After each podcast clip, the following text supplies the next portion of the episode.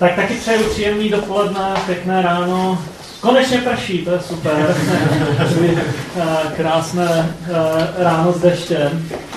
Včera jsme zrovna jeli se podívat na takovou, eh, na místo, kde chceme slavit Evčiny narozeniny. Viděli jsme, jak je všechno fakt hrozně suché.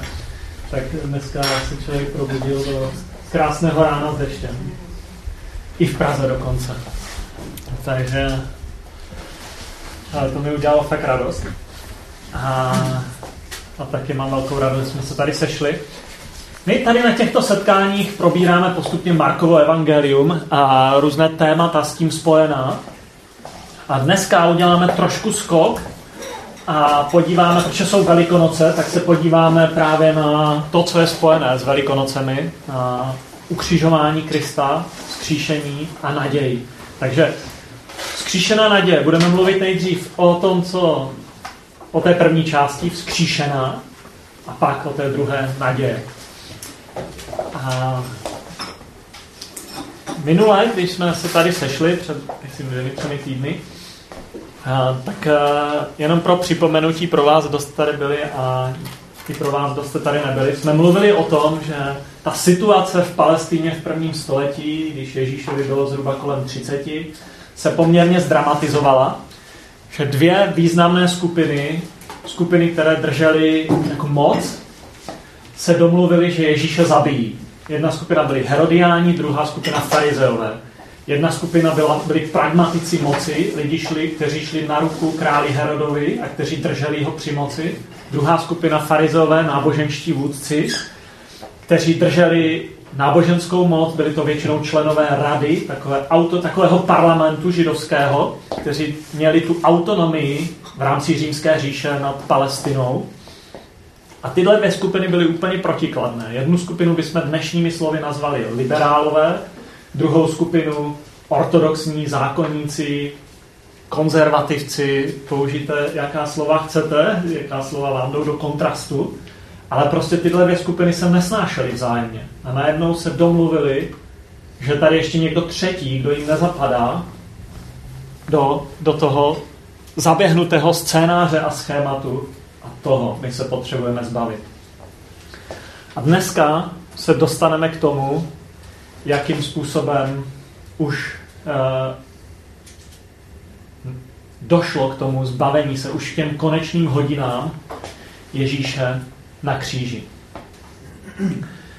Když mluvíme o vzkříšení,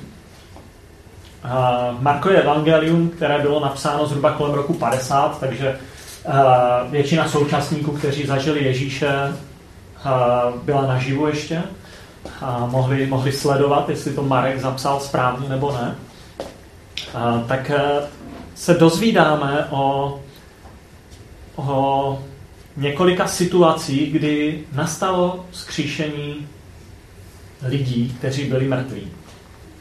Já zmíním dvě situace. Jedna z nich se týkala Lazara. A u Lazara, Lazar byl přítel Ježíše, který zemřel, byl položen do hrobu a Ježíš tam přichází tři dny potom, co je v jeskyni uložený jeho tělo, protože se pohřbívalo do jeskyní tehdy. A Ježíš veřejně před zraky všech říká, Lazare, pojď ven. A Lazar obmotaný do, do, do takových eh, jako věcí, kterých se obmotávalo to mrtvé tělo, vychází na stále ten tam pohyb, lidi ho obmotávají. I přesto, že předtím říkají, to snad není možné, to je, to je, to je neúcta, to je, to je obrovská neúcta, co on blázní, teď, teď už teď, teď to zapáchá. A ten hrob zapáchá. Tohle bylo veřejné. A pak čteme o ještě druhé situaci, která se týkala Jairové dcery, Jairova dcera, Jairova útočí z česky na anglicky, Jairova dcera. 12-letá holčička, kdy ten správce synagogy, židovský představitel, prosí Ježíše, pojď mi pomoct, má dcera umírá. Než Ježíš tam dojde, dcera zemře, už nastává smutečný uh, smuteční situace, lidé, lidé pláčí a je to, je to velmi jako náročná situace pro tu blízkou rodinu. A Ježíš tam jde jenom se třemi přáteli, vezme tu nejbližší rodinu a říká té dí, dí, dí, dívence, podá, dotýká se jí a říká talitaku, děvčátko nebo doslova holčičko moje, vstaň, vstávej. A ta dcera vstává, vrací se do života. A v obou těch situacích nám Marek říká, že ti lidi byli stoprocentně mrtví. A jedna ta situace je veřejná, druhá soukromá. A tímhle jakoby předchází to, co má nastat v životě samotného Ježíše. A, tak pojďme se pustit do toho dnešního tématu. Pojďme se podívat na to, samot, na, na to samotné zakončení Ježíšova života a jakou naději získávají lidi, kteří jsou u toho přítomní, protože budeme sledovat především to, co to znamenalo pro ty lidi, kteří to viděli na vlastní oči a jakou naději skrze to, že to viděli, jakou oni získali. Budeme se dívat do konce Markova Evangelia 15. kapitoly a budeme ji procházet od 33. verše. Můžeme to sledovat i tady před očima. Já si to zatím najdu také.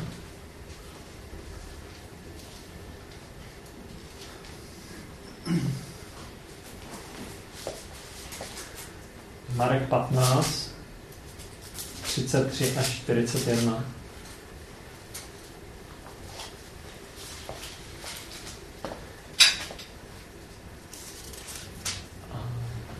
Takže, když bylo poledne, nastala tma po celé zemi až do tří hodin. O třetí hodině zvolal Ježíš mocným hlasem. Eloi, Eloi, lema sabachthani což přeloženo znamená Bože můj, Bože můj, proč si mě opustil? Když to uslyšeli, říkali někteří z těch, kdo stáli okolo, hle, volá Eliáše. Kdo si pak odběhl, namočil houbu v octě, nabodl jí na prut a dával mu pít se slovy. Počkejte, uvidíme, přijde ho Eliáš sejmou. Ale Ježíš vydal mocný hlas a skonal. Tu se chrámová opona roztrhla v půli od zhora až dolů. A když uviděl setní, který stál před ním, že takto skonal, řekl, ten člověk byl opravdu syn boží. Zpozdálí se dívali také ženy, mezi nimi i Marie z Magdaly, Marie, matka Jakuba mladšího a Josefa a Salomé, kterého provázeli a starali se o něj, když byl v Galileji. A mnohé jiné, které se spolu s ním vydali do Jeruzaléma. Je to hrozně zajímavá situace. Jakoby vidíme tam samotu Ježíše a zároveň skrze tu samotu najednou ten setník něco objeví. A budeme sledovat dál ženy a budeme sledovat dál ty jednotlivé postavy, které tam jsou. Já bych eh, začal u těch žen, protože jak budeme pokračovat, tak oni tam jsou velmi důležité v tom konci Ježíšova života. Ženy v dané době eh, neměly vzdělání, neměli možnost zákonodárné výkonné soudní moci a žena, když ovdověla, bylo to velmi těžká situace pro ní. Vlastně jediná naděje byla znovu se vdát. Nebyl sociální systém, který, který by nějakým způsobem se postaral o ženy vdovy. A co je hrozně zajímavé, a co je druhá rovina tohohle příběhu, téhle situace, kterou když čteme konec Ježíšova života, tak se musíme ptát, kde jsou ti, co ho tři roky provázeli? Proč nečteme o tom, že tam jsou? Proč tam nebyli? Proč tam byly jenom ženy? Proč tam byl setník? Proč tam byli další lidé, na které za chvíli dojdeme? Teď oni tři a půl roku ho provázeli.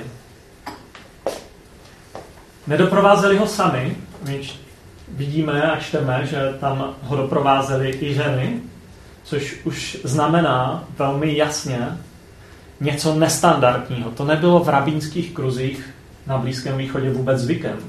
Dodnes, když jdete do synagogy, je přední část pro muže a zadní část, a tehdy to bylo ještě víc, pro ženy. A je tam malé okýnko pro ženy a děti. Mění se to u chlapců od 12 let, kdy chlapci ve 12 letech mají speciální zasvěcení a můžou jít dopředu, do té přední části vyhrazené pro muže.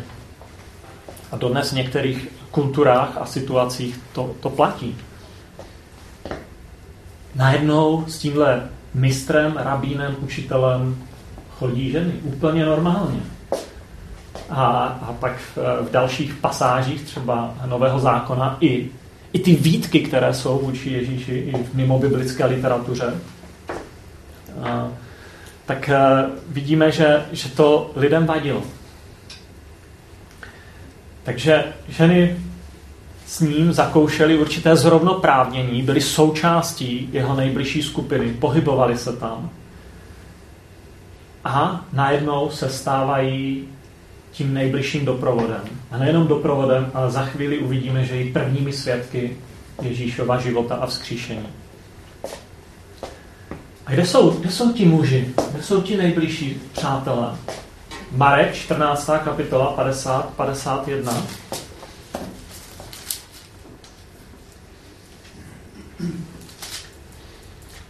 Markové evangelium čteme a mm, 14. kapitola 50. až 51. verš. Všichni ho opustili a utekli. Šel za ním nějaký mladí, který měl na sobě jen kus plátna přes náhé tělo. Toho chytili. On se jim však vyvlékl a nahý utekl. Toto jsou ti nejbližší přátelé, nejbližší spolupracovníci. Všichni utekli. Čteme něco v, jiným, eh, v jiné části v Evangeliu o zapření Petra a o, o tom, jak se hořce rozplakal. Takže učedníci jsou pryč, Petr někde pláče sám nad sebou v sebelítosti, pak vyznává ty věci. A zůstává někdo jiný s ním. Proč to víme? Kdo byl Marek? Marek byl blízký přítel Petra. Marek doprovázel Petra, prvního apoštola vedoucího křesťanského společenství. Myslím si, a myslím si, že to není neopodstatněné, že kdo tyhle věci vyprávěl Markovi, že byl Petr. Co mu říkal Petr? Já jsem tam nebyl. Ale jiní tam byli. A možná to je proto, že ženy byly statečnější, že v krizových situacích dokážou nést ještě být silnější, ale možná to je taky proto, že, že mužům hrozilo větší nebezpečí v tehdejší době než ženám. Když uh, jí šel někdo proti, tak šel proti těm uh, mužům jako těm, kteří nesli zodpovědnost. Takže zůstávají ženy, které ho doprovází a v této pasáži jsme četli, že tam je ještě někdo, je tam římský setník, je tam římský voják. Kdo popravil Ježíše? Římané. Byla to soudní výkonná moc římského Piláta. Jediný on mohl vydat rozsudek smrti. Kdo to uskutečnil? Římští vojáci. Římané a vojáci, kteří popravovali na kříži, to byli velmi ostří hoši. To není snadné někomu přibít hřeby do jeho rukou a nohou. Velmi ostrý hoch, který se musel do své role propracovat svými skutky, svou obětí v armádě, svou činností v armádě, svým bojem, svým zápasem. Velkou loajalitou k Římu, ale taky násilím taky někdy útlakem druhých a pravděpodobně ne, první, ne prvním zabitím. Setník byl pravděpodobně člověk, který by řekl, já jsem plnil jenom rozkazy. Já jsem vždycky byl loajální. Já jsem voják. Já jsem dělal to, co mi řekli nadřízení. Já jsem žil jako většina společnosti, jako každý jiný. Jenom jsem dělal svoji práci. Ale víte, kolik úsilí mě to stálo dostat se až sem, probojovat se z ničeho do takovéhle pozice, do takové společenské situace, abych mohl velet dalším vojákům, abych mohl být jeden z rovných té společenské elitě, která vládla. Ano, krev a útlak patří k mé práci, ale někdo to dělat musí, aby byl zachovaný pořádek. Na každé minci v té době byl nápis každý, kdo měl peníze, tak ten nápis četl denně. Denně znovu a znovu. A ten nápis na té mince zněl Tiberius Caesar, syn božského Augusta. Augustus vládl od roku 27 před naším letopočtem do roku 14 našeho letopočtu, pak ho střídal Tiberius. Augustus upevnil římskou monarchii, nebo římské císařství v tomhle případě, prostě římskou moc celé oblasti v eh, středozemí. Tiberius byl nástupce. Augustus dostal titul božský vznešený. Tiberius Cezar, syn božského Augusta. Tento setník, když pozoruje Ježíšovu smrt, když slyší všechna slova, která se tam dějí, a ještě jiná evangelia zaznamenávají další slova, například rozhovor s dvěma zločinci, jeden se posmívá a další se posmívají Ježíši, když je Mesiáš, ať se stoupí z kříže, ať něco udělá. Dělá takové zázraky, proč něco neudělá, aby se zachránil tak on vidí, jak Ježíš reaguje v těch situacích. Vidí jeho slova, vidí jeho postoje, vidí jeho postoj k dvou zločincům, jeho autoritu, s jakou mluví, i k tomu zločinci, kterému udílí milost. Vidí, jak nese bolest a vidí ty tři hodiny, co se tam dějí a dochází k závěru, toto je skutečný syn Boží.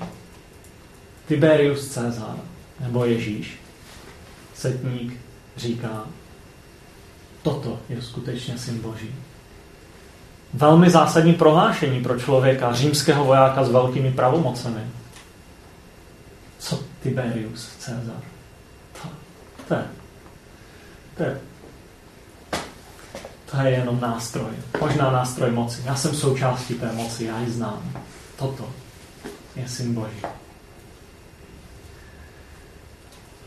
Oni, kdo tam byli, něco zakusili, něco speciálního a předávají nám to. Nevím, jestli jste byli někdy s někým, kdo umíral, jestli jste ho drželi za ruku, nebo byli jste přítomní smrti člověka a prostě u toho posledního dechu. Nevím, je tady někdo takový, kdo byl? Okay, díky. A já jsem nebyl nikdy přítomný, že bych člověka držel za ruku. Byl jsem pár hodin před smrtí. Ale možná jsem byl nejvíc blízko smrti, když mi bylo 6 let, když naše babička, která měla rakovinu tlustého střeva v 52 letech, umírala. A můj taťka měl tehdy 26 let a byla ona prostě po chemoterapiích. Pozdě se to zjistilo a prostě nechytlo se to a takže už pak prožívala velké bolesti a, a na posledních zhruba 14 dnů života, mm, nebo oni nevěděli kolik, ale šla, šla domů na tu vesnici, kde, kde jako můj taťka a další její děti vyrůstaly. A, a my jsme jako děti, a byla to neděle, a my jsme jezdili na oběd a vždycky takhle na tu vesnici, měli jsme tam jako větší oběd, a já si nepamatuju, kde jsem byl, jestli jsem lítal po dvoře, a nebo prostě byl jsem nemocný, možná jsem tam nebyl. Ale a byl tam můj otec, můj taťka, a ten říkal, vždycky nám říkal toto. My jsme seděli u oběda a ta mamka, moje babička, podívala se na mě do očí, držela se mi za ruku, položila mě uh, hlavu na rameno a vydechla naposledy a zemřela. A můj taťka nikdy nemluvil o svojí mamce negativně. On vždycky říkal, a to je obrovská síla, kterou měla moje mamka v sobě, když tohle překonávala. Moje babička se stala křesťankou pár měsíců, možná půl roku před smrtí. A před, přes baptistického kazatele baptisté společenských křesťanů, kteří křtí až dospělé děti, nekřtí malé děti. A hmm, ona chodila do evangelické církve, ale tu jistotu, že Bůh je v jejím životě a že je živý, získala až a, v poslední etapě svého života. A všechny děti o ní mluví s obrovským respektem. Nemluví tak o svém tačkovi, jako o mém dědovi, ten, on, ještě ten život vypadal trochu jinak, ale vždycky říkají, naše mamka to byla nesmírně silná žena. A hmm, kdybyste se mýho tačku zeptali na víru, tak on by vám řekl, víra Krista přináší sílu do života. Víra je něco, co pomáhá. Možná by řekl nějaké negativní věci o církvi, možná by řekl negativní věci o představených, a, ale nikdy by neřekl negativní věc o víře v Krista. Protože byl s tou mámkou takhle blízko. Viděl to, pozoroval to. A samozřejmě ty bolesti s touhle nemocí, to nejsou moderní bolesti jako nás u počítače, že tam něco píchne, tam něco bolí, tam, tam se nevyspíme. To je, to je, to je opravdu jiné, jiný level. Na Ježíši muselo být něco, něco krásného. Jestliže člověk, který získával sílu od Krista, dokázal žít tak, že všichni, kdo mu byli přítomní v posledních měsících života, říkají, na naší mamce bylo něco krásného. Na Ježíši muselo být něco, co bylo ještě mnohem silnějšího. A my to vidíme u setníka a vidíme to u dalších lidí. Tak se pojďme podívat na další lidi, kteří tam byli. Marek 15, 42, 47.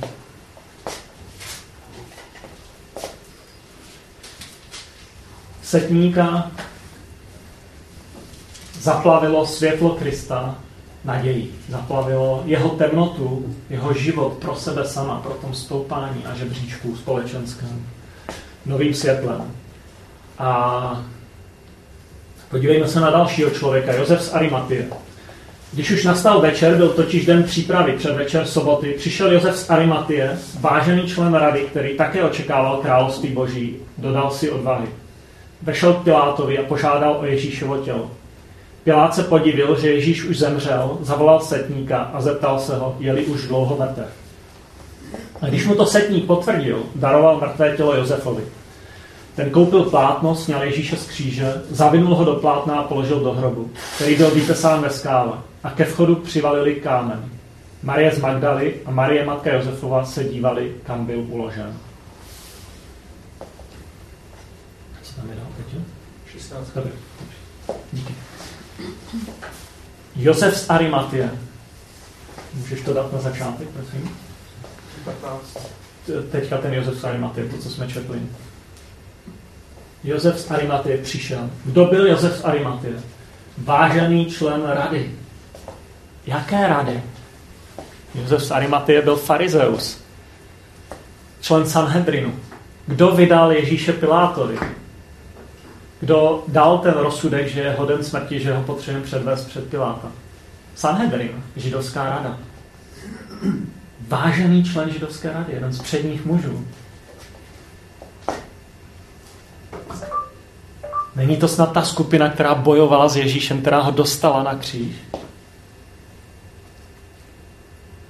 Josef z Arimatie nevystupuje poprvé v evangelích, vystupuje už tehdy, když se domáhá toho, aby před radou Ježíš nebyl odsouzen bez vyslechnutí. Říká, což pak nevyslechneme člověka, když ho chceme obvinit a je, je, je, je setřen tam, je bagatelizován. A Lukáš nám sděluje v Lukášově evangelium, že nesouhlasil s tím trestem smrti. A popisuje ho jako Josef byl muž dobrý a spravedlivý.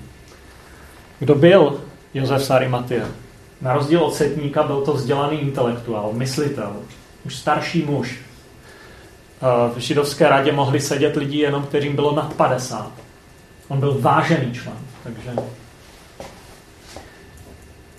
je to vzdělaný člověk, vzdělaný intelektuál. Co prožívá tenhle člověk, když vidí Ježíše? Jak to s ním dopadá? Možná prožívá to, že si říká, měl jsem udělat víc. Neměl jsem mlčet, neměl jsem se nechat zastavit. Mrzí mě. Možná prožívá pocit vily, který se valí tím kolesem destrukce. Možná prožívá to, že já jsem byl součástí někoho, co spravedlivého člověka přivedlo na smrt. Jak s tím budu žít? A Josef se rozhodl, že s tím žít nebude. Vstává a jde dělat něco, co v té situaci je, zdá se velmi dobré. Josef prokazuje obrovskou odvahu. Už dost života s mlčící většinou. Už dost života pro to, kým jsem v tom společenském žebříčku, v této společnosti. Já chci už dělat to, co je správné. Prozbou u Piláta o Ježíšovo tělo prokazuje nesmírnou odvahu. Tím se strašně zhodil před svými druhy se Sanhedrinu, ze židovské rady. Tenhle vážený muž z židovské rady ztrácí svoji vážnost. Prokazuje velké srdce. Tím si rozhodně body nezískal. To je počátek ztráty jeho dosavadní pozice, ale začátek nového dobrodružství s Ježíšem Kristem. Tak to byl Josef a pojďme dál. Marek 16, 1 až 8. A vždycky Marek říká, když uplynulo něco, když nastálo ráno, když něco, teď. Když uplynula sobota, Marie z Magdaly, Marie matka Jakubová, Salomé nakoupili voné masti, aby ho šli pomazat. Brzy ráno prvního dne po sobotě, sotva vyšlo slunce, šli k hrobu. Říkali si mezi sebou, kdo nám odvalí kámen od vchodu do hrobu. Ale když zhlédli, viděli, že kámen je odvalen a byl velmi veliký. Vstoupili do hrobu a uviděli mládence, který seděl po pravé straně a měl na sobě bílé roucho. I zděsili se. Řekli jim, neděste se, hledáte Ježíše, toho nazareckého, který byl ukřižován. Byl skříšen, není zde, hle místo, kam ho položili. Ale jděte, řekněte učedníkům, zvláště Petrovi, jde před vámi do Galileje, tam ho spatříte, jak vám řekl. Ženy šly a utíkali od hrobu, protože na ně padla hrůza a úžas. A nikomu nic neřekli, neboť se báli. Nikomu nic neřekli teď, tou cestou od toho hrobu, ale pak čteme, že, že právě mluvili, že říkali, co viděli. První zvěstovatelé vzkříšení a naděje spojené s novým začátkem se vzkříšením byly ženy. Ženy, které neutekly. A už jsme říkali, proč neutekli, proč doprovázeli Ježíše. A ženy neměly v té době právo svědčit, svědčit u soudního přelíčení. Nemohly být svědky. Nemohly vystupovat jako svědkové. Není to paradox? Kdyby si lidé, kteří psali Bibli, chtěli vymyslet a chtěli vymyslet tuhle situaci a chtěli získat vliv a chtěli rozvinout něco, co by mělo dopad dané společnosti, nikdy, nikdy by nenapsali, že ženy byly první, kdo svědčili. Nedávalo by to žádný smysl. Proč to napsali takhle? Protože se to tak odehrálo. Co říká Petr Markovi, co nám říká Marek? Já jsem byl mimo. Tohle. Tohle jsou ti hrdinové. Tohle jsou lidé, kteří tam byli. Setník, Josef Sarimatie, naše ženy.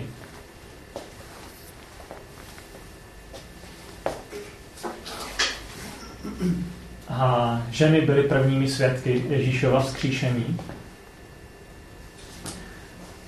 A znovu si klademe otázku.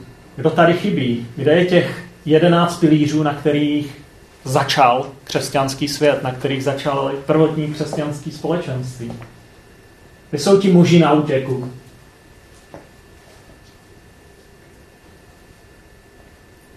Jsou ztracení, hledají se. Máme jednu zmínku, že Jan přišel ke kříži, Jan tam byl. Ostatní pravděpodobně ne. Co změnilo jejich ztracenost? Co změnilo jejich strach? Můžeme se podívat na 9. a 14. verš.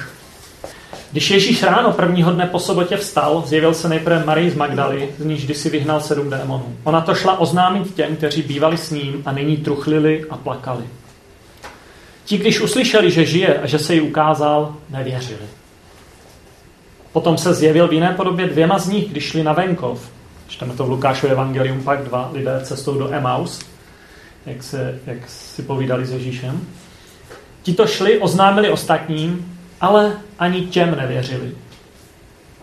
Konečně se zjevil samým jedenácti, když byli u stolu, káral jejich nevěru a tvrdost srdce, poněvadž nevěřili těm, kdo ho viděli skříšeného.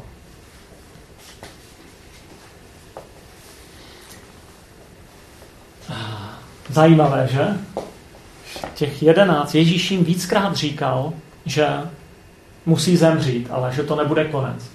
Ježíš byli s ním, když viděli ty, to vzkříšení, o kterém jsme mluvili na začátku.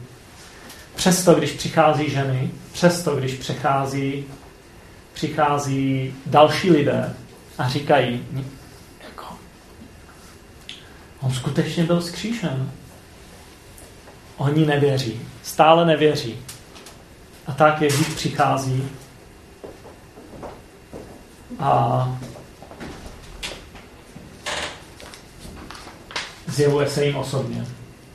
A toto vzkříšení, tohle osobní dopad, dotek do života těchto lidí změnil běh dějin. To je počátek křesťanství, počátek křesťanských společenství. Jak je možné, že takováhle skupina, to lidé se spojili, aby začali zvěstovat, že Ježíš byl skutečně vzkříšen? římský setník, židovský vzdělanec, ženy v dané kultuře druhořadé a nakonec obyčejní židovští kluci z Galileje, kteří se báli, kteří byli vystrašení, kteří byli zmatení a ponoření do sebe samých.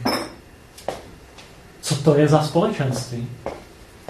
To je za společenství v prvním století, kde ty rozdíly byly tak hluboké, kde ty propasti byly nepřekonatelné.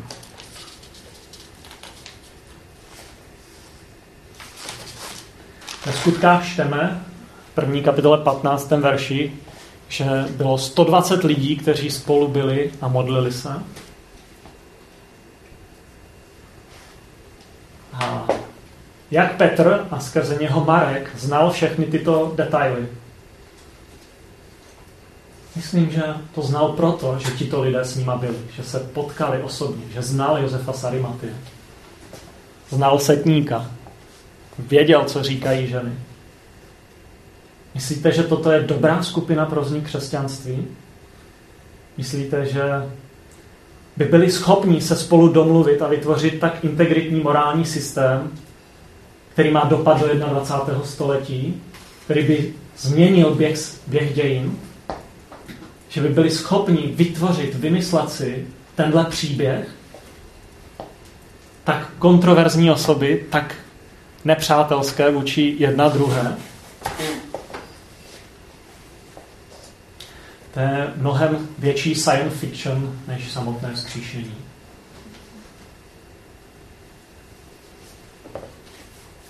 Konrad Adenauer, když eh, se ujal vlády po eh, druhé světové válce v Německu. To je jeden z lidí, kteří byli vězněni v době války Němec. Premiér, poválečný premiér, který obnovoval Německo na úplně jiných základech, řekl při jednom rozhovoru s Billy Grahamem, bez kříšení Ježíše Krista není naděje pro nás, není naděje pro Německo. Spoustu věcí lze obnovit na základě této naděje kde se vzala ta síla k novému začátku, kde se vzala ta síla překonat ten propad těch učedníků, tu ztracenost. Jediné důvěryhodné vysvětlení je skutečně vzkříšení Ježíše Krista.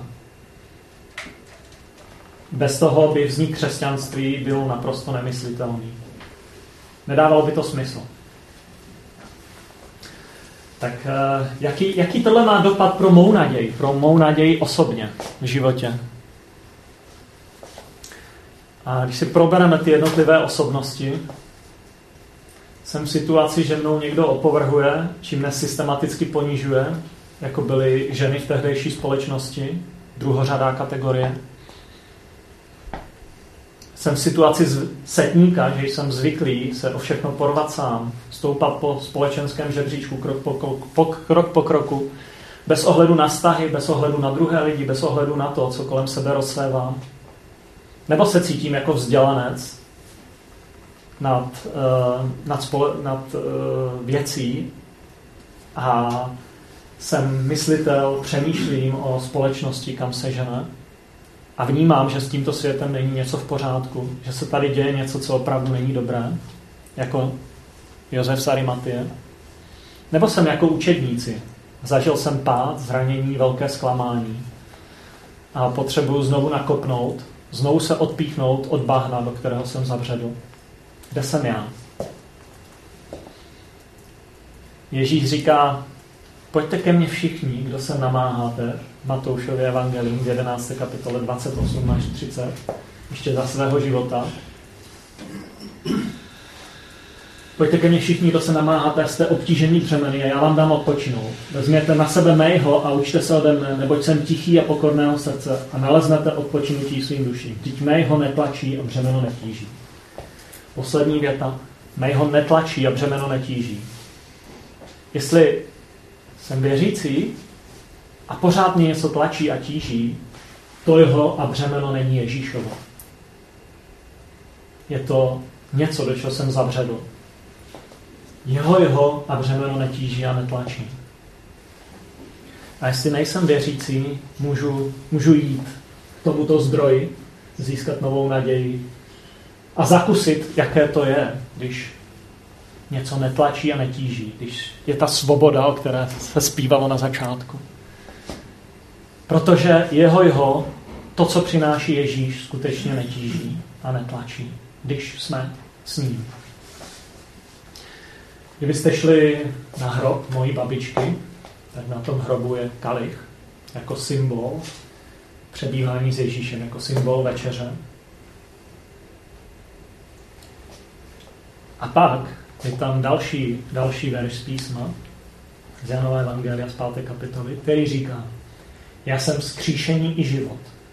Kdo věří ve mne, i kdyby umřel, bude žít na věky. Kdyby umřel, bude žít.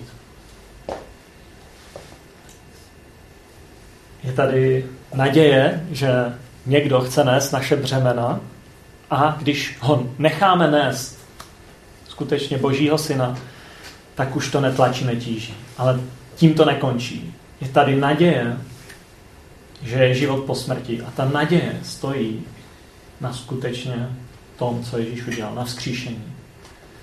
Já jsem vzkříšení. Já jsem vzkříšení. Nejenom vzkříšení, ale i život. Život tady. Kdo věří ve mne, i kdyby umřel, bude žít. A to je jediná jistota, co se týká života po smrti, kterou přinesl někdo, kdo kdo ho zakusil a kdo se vrátil. Takže je tady nový začátek, nová naděje a je dostupná.